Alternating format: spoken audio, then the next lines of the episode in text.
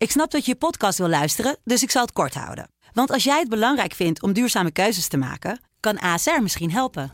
Nou hoor ik je denken, hoe dan? Nou, bijvoorbeeld bij het duurzaam herstellen van schade. Of de premies die we beleggen volgens ons duurzaam beleggingsbeleid. Dat bepaalt waar we wel en juist niet in investeren. Wil je meer weten over welke duurzame keuzes ASR maakt? Ga dan naar asr.nl slash duurzame keuzes. ASR doet het. Zo, dan kan je nu lekker naar je podcast luisteren. And so, my fellow Americans, I shall not see. ask not We will keep this what promise your to the country can do people. for you. Read Ask what my you can do lips. for your country. Dit is Trump versus Biden, de strijd. Een telegraafpodcast over de Amerikaanse verkiezingen. Met Thijs Wolters en Frank van Vliet. Dit keer opgenomen op vrijdag 23 oktober, de dag na het derde, of eigenlijk tweede en laatste verkiezingsdebat tussen Donald J. Trump en Joe Biden. En zoals ik net al tegen jou zei van tevoren, oh mijn god Frank, we moeten het over de inhoud gaan hebben. Ja, want de heren hebben zich eh, keurig gedragen. Het is onvoorstelbaar. Het was een Eh, gewoon debat. het was een debat en ik vond het ook een interessant debat, zelfs eh, spannend. Ik zat de hele tijd te kijken van, ja, draaien ze nou aan die knop om hem uit te zetten? Of om, om, de, om de, de kandidaten uit te zetten? Dan hadden ze eigenlijk een soort label nog voor moeten bezinnen. Dat had het nog spannender eh, kunnen zijn. Want zoveel keer uitgezet, dat hoorde je nu achteraf. Donald maar- Trump is now muted. Ja. Ja, precies. En, eh, dat je hem dan nog in beeld krijgt dat hij zijn mond beweegt of zo. Ja. Ja. ik denk dat Trump misschien wel even achter zijn hoofd krabt van waarom heb ik dat eigenlijk in het eerste debat niet gedaan? Want hij kwam zelfs, vond ik ook eh, redelijk presidentieel over zo af en toe. Ja. En ja, dat is toch wat je wil. Zonder dat hij eeuwige conflictmodel, waar denk ik toch iedereen een beetje op uitgekeken is, behalve zijn diehards fan. Ja, wat ik, bijvoorbeeld een heel, heel opvallend moment vond, was dat, eh, dat Biden, ik weet niet meer, niet eens meer wat, dat, dat doet er voor dit argument ook even niet toe. Die, Biden zei iets waar Trump op wilde reageren. Toen vroeg hij netjes het woord. Toen kreeg hij het woord, zei hij, nou dankjewel, stel ik bijzonder op prijs. En eh, het was bijna als, als, als je het over Dr. Jekyll en Mr. Hyde hebt, dan is het eerste debat was Mr. Hyde en dit was Dr. Jekyll. Het was echt dag en nacht. Ja, ik zou bijna zeggen, kijk maar hoe goed corona voor de mens is. Dat, is dat is natuurlijk totaal ongepast. Dat, dat moet je ook eh, absoluut niet willen. Maar het, het was inderdaad een wereld van verschillen. Eh, eh, in het eerste debat zat een opgeblazen eh, pop die, die volgestampt leek met up-peppers. En nu was het een, een rustige man die zelfs, zelfs de journalist, de presentator, Kristen Walker een compliment gaf. ja. Nou, And you never asked that question. And by the way, so far, I respect very much the way you're handling this, I have to say. By the way- But somebody should ask the question. Dat was, eh, was goed. Maar afgezien daarvan. Kijk, nu werd echt, denk ik, heel duidelijk hoe verschillend de kandidaten zijn. Ik bedoel, dat weet je wel. Maar je hoorde in het vorige had je dat, kreeg je de kans niet om dat van elkaar te horen. Nee, nee, toen zag je de verschillende persoonlijkheden en nu zag je de verschillende politici inderdaad. Eh, eerste punt was corona, waar ze het over gingen hebben. Dat was eigenlijk ook meteen de grootste aanval van Biden gedurende de hele avond, vond ik. Ja, je doelt eh, op het feit dat hij zei van... Ja, het ging erom dat, dat, dat, dat Trump die begon met het argument van in, in de ergste voorspellingen zouden er 2,2 miljoen zijn geweest. We zitten nu maar op de 200.000 doden. En dat Biden eroverheen ging van ja, maar je zal inderdaad maar s'nachts naast je grijpen. En, Ja. en, en die vrouw of eh, die man van je niet Ja. meer voelen omdat hij overleden is aan Ja. corona. nee, ik dacht dat jij doelde op het moment eh, waarop Trump zei... we moeten ermee leren leven. Ja, en waarop, hij toen, waarop Biden toen meteen heel ad rem... zeker voor iemand die Sleepy O eh, wordt genoemd... zei van... learning to live with it. Come on. We're dying with it because he has never said, he said it's dangerous. En dat vond ik eigenlijk, dat was natuurlijk wel eh, heel schokkend, maar dat was meteen eigenlijk al. Kijk, die Biden die had dat eh, mondkapje meegenomen als een wapen. Ja. Die trok hem pas op het toneel af. En terwijl hij op een gegeven moment over dat corona aan het praten was, hing hij het omhoog, hield hij het zo omhoog van, hier kan je dus mensenlevens mee redden. En later las ik dan in de Amerikaanse pers dat ook voor het eerst de familie Trump, allemaal heel elegant gekleed natuurlijk, een mooie dochter en zo, dat weer een prachtig mondkapje op, maar die moest ook opblijven. Anders hadden ze gezegd, anders moeten jullie de zaal uit. Ja. Want bij de vorige keer waren ze wel even zo binnengekomen, meteen dat ding af. Mhm. Dus ja, het was eh, dan toch wel even wat dat betreft eh, iets serieuzer. En dan was me ook meteen duidelijk, ja, hier moet iets gezegd worden. Ja. Over familie gesproken. eh, dit was natuurlijk ook het debat waarin, zover waren we bij dat, dat eerste debat nog niet. Dit was het debat waar Trump Biden persoonlijk kon confronteren met de, ja, ik zeg maar even tussen aanhalingstekens onthullingen over Hunter Biden. Ja. Misschien moeten we deze podcast niet gebruiken om, om die hele discussie weer eh, te voeren. Maar eh, Trump heeft in ieder geval eh, een aanvalspunt wat dat betreft. Hij zegt, jouw zoon heeft zich niet netjes gedragen in Oekraïne. Daar is bewijs voor, volgens mij. En, Joe zegt vervolgens, ah, joh, kom op joh. Come on, come on, come on, come on, come on, folks. Come on, give me a break. Dat vond ik wel grappig aan dit debat. Dat, dat, dat, eh, Donald Trump is altijd een beetje de Teflon Don genoemd. Dat, dat alles wat je over hem zegt glijdt van hem af. Maar Biden heeft die kwaliteit toch ook wel een beetje. Het werd niet een punt waar, waar, die echt vat, waar Trump echt vat kreeg op Nee, Biden. maar dat komt ook omdat er, ja, eh, er is rook, maar of er nou vuur is, dat weet eigenlijk nog niet echt iemand. Althans, sommige mensen zeggen het te weten, maar die komen er niet mee. En ik denk, ja, moet je nog, als je het hebt, moet je er nog langer mee wachten. Het is ook een beetje, eh, en Biden pareerde het op een gegeven moment natuurlijk ook heel goed. Doordat hij zei van, ja, tegen Trump, wat zul je nou? Ik heb 22 jaar mijn belastingpapieren eh, op tafel gelegd. En zegt Trump weer, ja, dat ga ik ook doen. Maar dat zegt hij al vier jaar. Ja. En dan zegt hij, nee, dat komt doordat er een onderzoek eh, naar is. Dan mag het niet. Dat is de helemaal niet waar. zegt dat, eh, precies. Dat is Ja. dus niet waar. Maar goed, daar, daar komt hij dan iedere keer in ieder geval bij zijn aanhang mee weg. Maar ik bedoel, dat was een scoop toen van de New York Times. En de tegenhanger, eh, de New York Post, moest er natuurlijk vanuit het Trump-kamp ook met iets komen. Maar dat is alles bij zo'n geval dat je denkt van ja, allemaal heel ingewikkeld. En klopt het nou? En die zegt dit en die zegt dat. En ja, het komt niet echt los lijkt het. En ja, eh, Biden kan natuurlijk ook heel makkelijk tegen Trump zeggen van ja, god... eh, Kijk, als hij gewoon eerlijk is, denk ik. Denk ik hoor, persoonlijk zou heeft hij zeggen, ja, natuurlijk heb ik mijn zoon geholpen. Zou jij ook doen. Kijk maar je allemaal in het Witte Huis om je heen hebt verzameld en die baantjes krijgen. Wat denk jij nou, waarom doen de democraten, waarom doet Biden dat niet? Want de, de, de, beste manier om hierop te reageren, zou ik zeggen, is van... Wat jij inderdaad nu al aangeeft, gewoon wijzen op de kinderen van Trump zelf. Die en baantjes in het Witte Huis hebben en tegelijkertijd nog steeds actief zijn in die Trump-organisatie.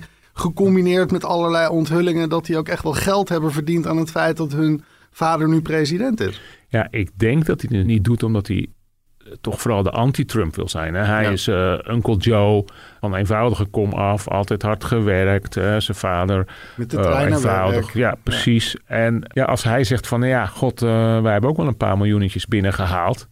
Ja, dan valt dat image van hem af. Maar dat is puur een, gedachte waarom hij dat niet zou doen. Of als je kwaad denkt, ja, misschien is er wel meer in de hand. En hoopt hij door er door overheen te lullen denken van, nu gaat het wel over. Ja, En ja, hij hoeft er nog maar elf dagen vol te houden. En dan zijn de verkiezingen. ja. Of tien, ik weet niet eens meer, elf of tien. Dinsdag over een week in ieder Ja. geval. Ja. Het wordt door kamp Trump een beetje gepresenteerd als, als de oktober surprise. Het hele idee van, van verrassing is natuurlijk dat je ze van tevoren niet ziet aankomen. Maar denk je nou echt dat er nu nog inderdaad iets uit een hoge hoed linksom of rechtsom wordt getoverd wat de boel op zijn kop kan zetten? Ik Ja. vond juist ook wel een beetje het, het beeld van deze verkiezingen. Jij schrijft het ook in de krant van zaterdag in je, in je eh, analyse van dit hele debat. Dat de kiezer wordt nu hooguit bevestigd inderdaad in wat hij al dacht. Het, het zal niemand op andere gedachten hebben gebracht. Nee, er moet echt iets heel raars nog uitkomen. Maar ja, ik sluit het ook niet meer uit. Ik bedoel, je kan eigenlijk... Het lijkt nu een beetje alsof er een nachtkaars uitgaan. Hè? We gaan nu rustig allemaal naar de stembus. Maar dat kan ik me eigenlijk niet voorstellen. Want er, is zo, er zijn zoveel rare dingen gebeurd. Ik bedoel, zelfs de corona van Trump. Dat vond ik ook heel opvallend. Ik bedoel, hoe kort die man daar last van heeft gehad. Hè? Ik bedoel, dan heeft hij waarschijnlijk een unieke behandeling gehad, et cetera, die niet voor iedereen is weggelegd. Hoef je ook helemaal niet moeilijk over te doen, want hij is president. Dat zou eh, in ieder land zou, wordt een leider nu eenmaal eh, beter geholpen. Ja. Als je voetballer van Ajax bent en je hebt het aan je knie, word je ook eerder geholpen dan wanneer jij het aan je knie hebt. Maar dan kijk je naar die twee eh, mensen en dan is jou ingeprent van die eh, Joe Biden. Ja, die is toch op wel op leeftijd en die is toch wel fragiel. En die oogt ook inderdaad wel een beetje eh, fragieler dan Trump. En dan denk je, ja, wat verdorie. Die Trump die heeft eh, een paar dagen geleden nog corona gehad. Ja, Goed, dan eh, worden er grappen gemaakt als de Orange Man. Dus hij heeft flink wat make-up op. Maar ja, goed, hij zag er toch heel... ik kon geen verzwakking bij hem, bij hem zien eigenlijk. Nee, en hij was presidentieel inderdaad. En, en dat, heb ik nog niet heel vaak gezien in, in de afgelopen vier jaar. Dat, dat, dat, hij kwam voor het eerst een beetje, nou niet voor het eerst, maar uh, hij kwam toch echt geloofwaardig over in dat opzicht. En ik vond hem ook gewoon heel sterk in dat debat. Wat ik een andere hele goede manier vond waarop die Biden aanviel, was ja, verdorie, je zit nu al meer dan 40 jaar in Washington. En je kan wel van alles beloven wat je nu gaat doen. Maar waarom heb je het niet gedaan? 47 years, he didn't do it. he was now there as vice president for eight years. And it's not like it was 25 years ago. It was three and three quarters. It was just a little while ago, right? Less than four years ago. He didn't do anything. He didn't do it. Ja, en dat deed hij eigenlijk in het eerste debat ook. Maar toen zo kwaad dat het niemand meer opviel. Nee. En daarom zei ik in het begin van misschien moet hij dat zo af en toe eens wat vaker proberen. Als je een punt hebt, maak dat dan in alle rust. Ja. Maar goed, ik begrijp dat zijn uh, medewerkers hem dat ook hebben aangeraden. En dat dit nu de uitzondering was dat hij eens een keer uh, luisterde. Ja. Dus ja, dat was ook een goed punt. Wat ik ook, ook een heel mooi punt vond, uh, dat hij had over de economie. Hè. Nu hebben we het nu over COVID. En ja, dan verwijt Biden van ja, je hebt de boel laten sloffen. Je bent verantwoordelijk voor zoveel doden, et cetera. Je hebt het een griepje genoemd. Maar dan zegt hij, ja, maar ik wil de economie redden. Ja. En niet iedereen kan in zijn bunker zitten zoals je. Of zijn bunker, sorry, zijn In zijn kelder. kelder, ja. In zijn kelder zitten zoals jij. En eh, maar natuurlijk verwijzend naar dat hij een hele voorzichtige campagne had gevolgd. En eh, inderdaad in het begin een beetje eh, lullige filmpjes vanuit zijn, zijn kelder liet zien. Maar ja, dat vond ik echt een heel sterk punt. Want dat is natuurlijk dat is voor iedereen een probleem. Wij hier in Nederland durven we ook niet te zeggen... van, nou, we gooien de boel weer op slot. Nee. En het is ook inderdaad een beetje hetzelfde soort discussie dat we, die we hier in Nederland voeren natuurlijk. Van wat laat je prevaleren? Eh, leg je meer nadruk op de volksgezondheid of leg je meer nadruk op de economie? Ja. Zonder daar even inhoudelijk op in te gaan, denk ik dat het wat dat betreft ook gewoon wel herkenbaar was voor een hoop Amerikanen van die mitsen en maren die twee kanten op. Ja. En, en Trump had natuurlijk ook, ook een punt toen hij zei over de coronavirus. Ja jongens, de hele wereld die eh, worstelde mee. Hij kon nu wijzen naar Europa waar het, eh, de cijfers eh, net zo schrikbarend zijn. Ja. En ja, niemand heeft het eigenlijk echt heel goed gedaan. Misschien behalve die premier in Nieuw-Zeeland, die mevrouw. Ja, maar goed, dan Maar- heb je het ook over een eiland met een bevolkingsdichtheid van, eh, nou het zal nog net niet Groenland zijn, maar het scheelt Ja. weinig. Ja, maar pas op, hè. ook Schiermonnikoog heeft een besmetting nu. Ja, één. Ja, dus, dus een eiland is geen garantie. Kijk naar Engeland, maar goed, Ja. dat ligt wat eh, dichterbij. Ja. Eh, dus daar heeft hij dan ook weer, wel weer een punt. Alleen, ja, dat heeft hij nu wat minder gedaan, maar dan gaat hij er toch weer heel luchtig over doen. En heel optimistisch. En we zijn, we zijn bijna door de bocht. We, Ja. En ja, daar stond dan tegenover eh, Biden, die zegt van nou, we gaan een dark, dark winter tegemoet. En dat Wil vond de kiezer dat wel horen inderdaad? dat, dat dacht ik ook. Want Ja. ik denk van, ja, Trump is natuurlijk, eh, ik denk deels ten onrechte, ontzettend eh, optimistisch. Maar ja, iedere keer te horen van jongens, pas nou op, pas nou op. En eh, En de Amerikanen, de volksheid is natuurlijk niet echt dat het doemdenkers zijn. Dus helemaal niet. Het spreekt denk ik ook wel een hoop Amerikanen aan om te horen van... nou, misschien wil je dan de realiteit niet helemaal onder ogen zien... maar is het wel, wel fijn dat je dan een leider hebt die zoiets heeft van... jongens, we komen er wel weer uit. En ook is hij dan misschien iets te optimistisch, dan wil je daar wel achteraan. Ja, en ik denk ook dat dat, dat gevoel speelt mee. En je moet ook, kijk, wij kijken natuurlijk naar zo'n debat en dan gaan we heel erg opletten wat die mensen zeggen. Maar je hebt natuurlijk Amerikanen die, zap, die zappen misschien een beetje, die niet zo in politiek geïnteresseerd zijn. En die kijken dan en die denken van ja, pff, die man is wel heel erg eh, pessimistisch. Ja. Of eh, die oogt toch wel eh, een stuk fragieler. En dat vond ik wel. Hoewel hij geen blunders maakte, maar hij zat een paar keer te haperen. Dat je dan denkt van nou, eh, het is toch wel vrij oud. En dan heb je daar die Trump die daar toch op de een of andere manier als een blok energie staat. Ja, Dus ik kan mij voorstellen, hè, je, had, je hebt natuurlijk gehad met eh, Nixon toen en Kennedy. Hè, de jonge knappe Kennedy tegen Nixon die daar zat te, 1960, ja. ja, die daar zat te zweten. Eh, iedereen noemt altijd dat voorbeeld. En de mensen die op de radio hadden geluisterd, die kozen voor Nixon. En de mensen die het op tv hadden gezien, kozen eh, voor Trump. Kennedy, ja. Sorry, Kennedy, ja. ja. Dus misschien dat dat ook nog een rol speelt. Maar ja, over het algemeen denk ik toch dat... ja, ik denk dat ze het alle twee goed gedaan hebben. En is een soort eh, degradatieduel. eh 0-0 of eh, 4-4 of zo. Daar schieten ze niks mee op. Nee, nee. Het was En- voor de bühne inderdaad, voor, voor de achterban. Ja, en ook wel, ze probeerden het wel. En het was natuurlijk ook interessant, hè, wat we in het begin zeiden van... eh, Ja, nou leer je eens wat. Je, je leert eh, van de economische plannen van Biden. is er wel een groot verschil. Trump zit nog heel erg in op oude energie. Olie, gas, eh, fracking. Nou, dat is niet, dan iets moderner. Maar echt zware industrie. Zelf moet ook helemaal niks hebben van het milieu. Hij heeft heel veel milieumaatregelen die door Obama zijn genomen teruggedrongen. En Biden die heeft het dan over investeringen in windmolens. En uh, nou, kortom, Biden is meer een Europeaan aan het worden. Of proberen te worden. Waarbij je zegt van nou ja, we moeten moderniseren, we moeten investeren, we moeten. Denk vooral aan het milieu. Denk aan uh, het minimumloon moet omhoog. Denk aan een sociale vangnet. Het kan toch... Zorgverzekeringen. Ja. Het kan toch niet zo zijn dat er hier mensen in Amerika wonen die twee of drie baantjes moeten hebben. En ik heb dat zelf gezien toen ik in Amerika woonde. Ja, dan ga je naar de supermarkt en dan wordt je tasje ingepakt door een 70-jarige. Ja. En als je dan zegt, nou meneer, eh, dat doe ik wel, dan, dan kijken ze je boos aan. Ja. Want ja, het is, that's my job, weet je wel. Ja, en dat is natuurlijk eigenlijk voor een zo'n rijk land is dat natuurlijk eigenlijk beschamend. Ja. En Maar Trump is dat meer van de free economy, weet je wel. Ja. En dat sprak Amerikanen natuurlijk altijd aan. Het was altijd het land van krantenjongen naar miljonair. Ja. Maar ik denk dat dat steeds moeilijker aan het worden is. Dat, dat, dat soort verhalen hoor je niet meer. En het verschil is natuurlijk ook enorm ge- gegroeid in inkomen. Trump is echt old school wat dat betreft. Van nou, eh, doe maar je best en eh, ik kom er wel. Hij heeft wel eh, belastingen verlaagd en zo. Ook een typisch eh, republikeins iets. Maar ja, ik vond het wel interessant om, de- om, om die verschillen te horen nu. Ja. Die inkomensverschillen lopen natuurlijk ook deels langs, langs eh, etnische lijnen. Dat was niet echt een onderwerp. Dat was bijna het grote strijdpunt van het eerste debat. Dat hij over die Proud Boys had gezet, Ja. stand back en stand by.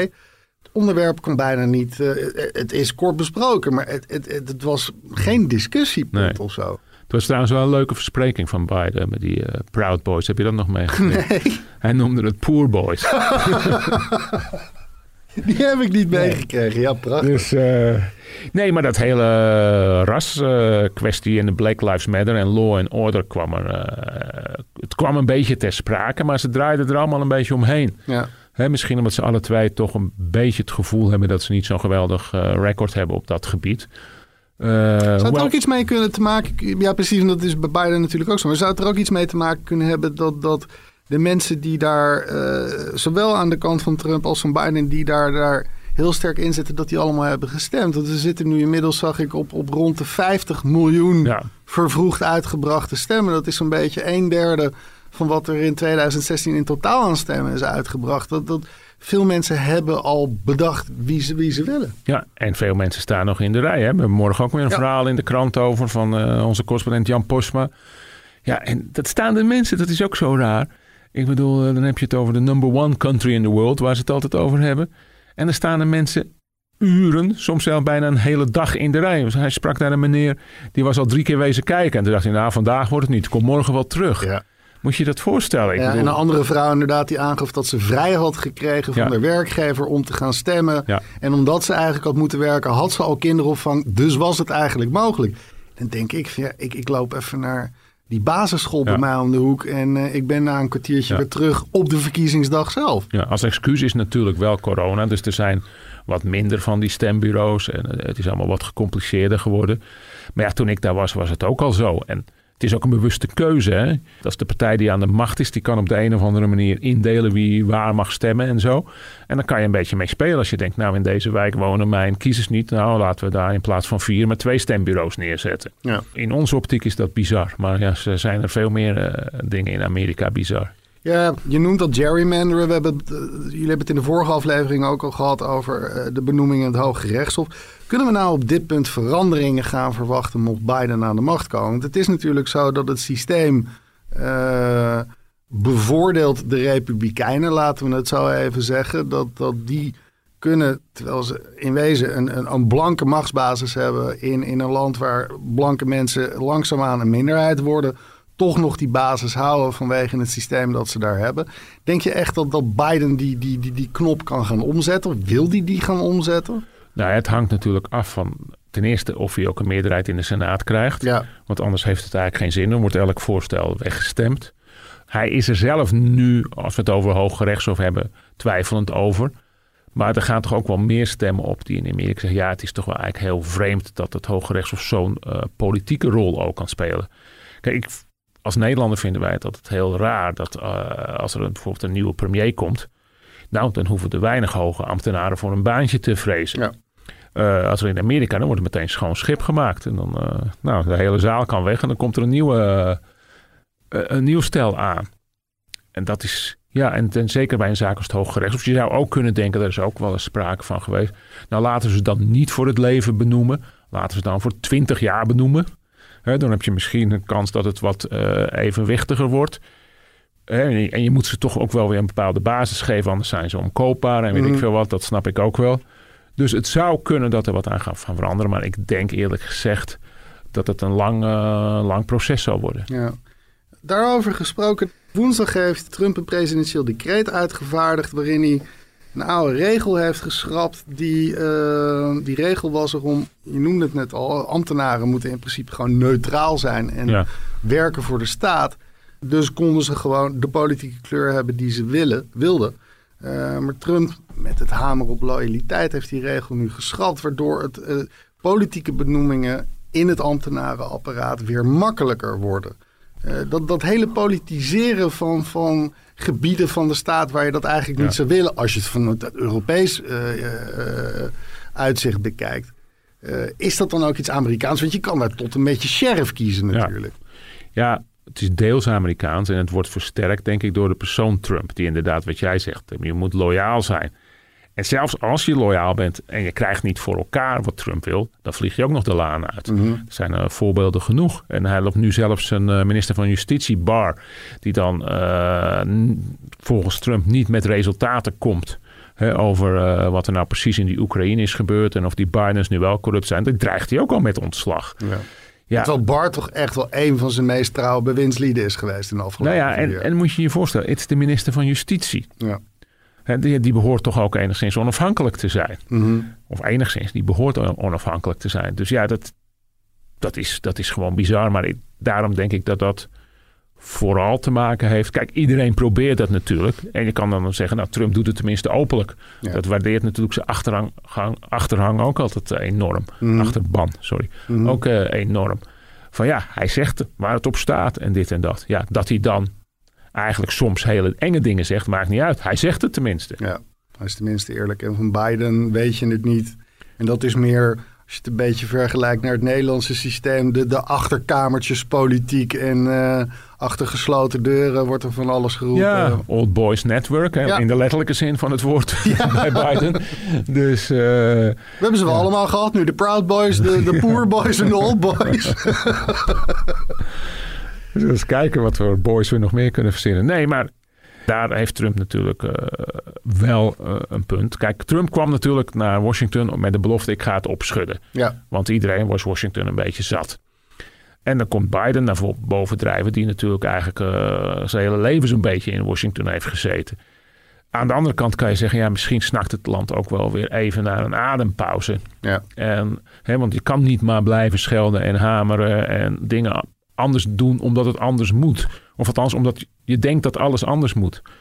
Uh, een land kan maar zoveel veranderingen per jaar hebben, denk ik. Mm -hmm. Maar goed, of het uh, heel veel gaat schelen. We hebben hier, uh, vorige week was het, vorige week hadden we Willem Post hier, Amerika-deskundige. En die zei van ja, de politiek van Biden zal niet eens zo heel veel veranderen. En dan hadden we het voornamelijk over buitenland, maar Mhm. mm -hmm. toch ook in Amerika.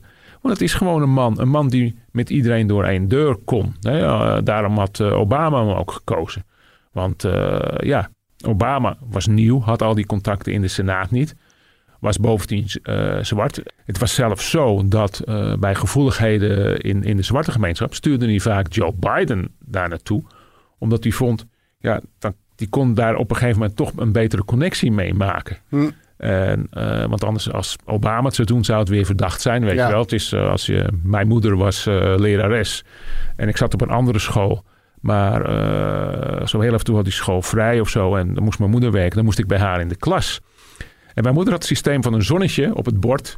En de kinderen die heel lief waren, kregen een zonnetje en een dropje.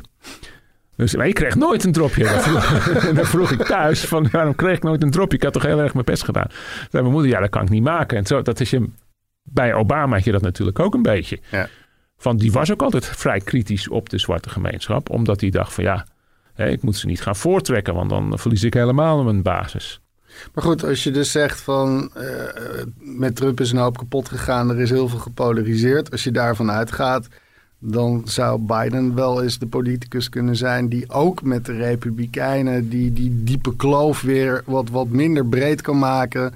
En die twee toch wel inmiddels zeer sterk uiteenlopende partijen weer wat nader tot elkaar kan brengen. De partijen wel, maar de achterban niet. Hè? Want jij zei van Ja. Trump, Trump die dan veel kapot heeft gemaakt. Maar zo ziet zijn harde kern het natuurlijk niet. Trump die heel veel heeft verbeterd. Ja. En dat wordt nu weer kapot gemaakt. Ja. Door die oude Biden, zie je wel. Maar is het dan niet juist de Republikeinse partij die nu voor een kruising staat? Van eh, kiezen wij inderdaad voor die achterban van Trump? hebben Of al gaan lang- we weer een beetje terug naar? Dat hebben ze al lang gedaan natuurlijk. De hele partij is een Trump, is gekaapt door Trump. Of De ze hebben zich- Party. ja. Ja, ze hebben zich overgegeven. Ik bedoel, eh, de enige die nog eens wat, eh, wat durft te zeggen is eh, Mitt Romney. Ja. Nou ja, En dan zegt hij ook nog eens een keer enerzijds anderzijds. ja, zoals hij altijd doet. Ja. Maar jij zegt de Rubicon is al overgestoken en, en die Republikeinse partij is nu voor dat soort politiek gegaan. Want dat, dus dat zou dan ook inhouden dat als Biden daar straks zit, dat, dat ze, en inderdaad de Democraten Nee. pakken de Senaat, dat ze Nee, dan nee, gewoon zo. vier jaar lang... Zodra Trump weg is, gaan ze eh, weer de, de Grand Old Party worden. Ja. Dus de mannen van het bedrijfsleven. En eh, niet meer mannen die, die zich alles laten zeggen. Nee, maar Trump heeft zich eh weggebuldozerd. En eh, ze zien dat hij een enorme aantrekkingskracht heeft. En ze zagen. Ik bedoel, laten we wel zijn, als de corona er niet was geweest, de economie niet was ingestort, had Trump misschien met twee vingers in de neus gewonnen. Ja. Dus zeg maar in eh, voor januari waren al die republikeinen nog dachten van nou, eh, ik ga me niet te veel afzetten tegen Trump. En we zien wel en die partij komt later wel weer. Ja. Zo, zo denk ik dat het in elkaar steekt. We gaan het zien. Nog tien dagen. Tien dagen, spannend.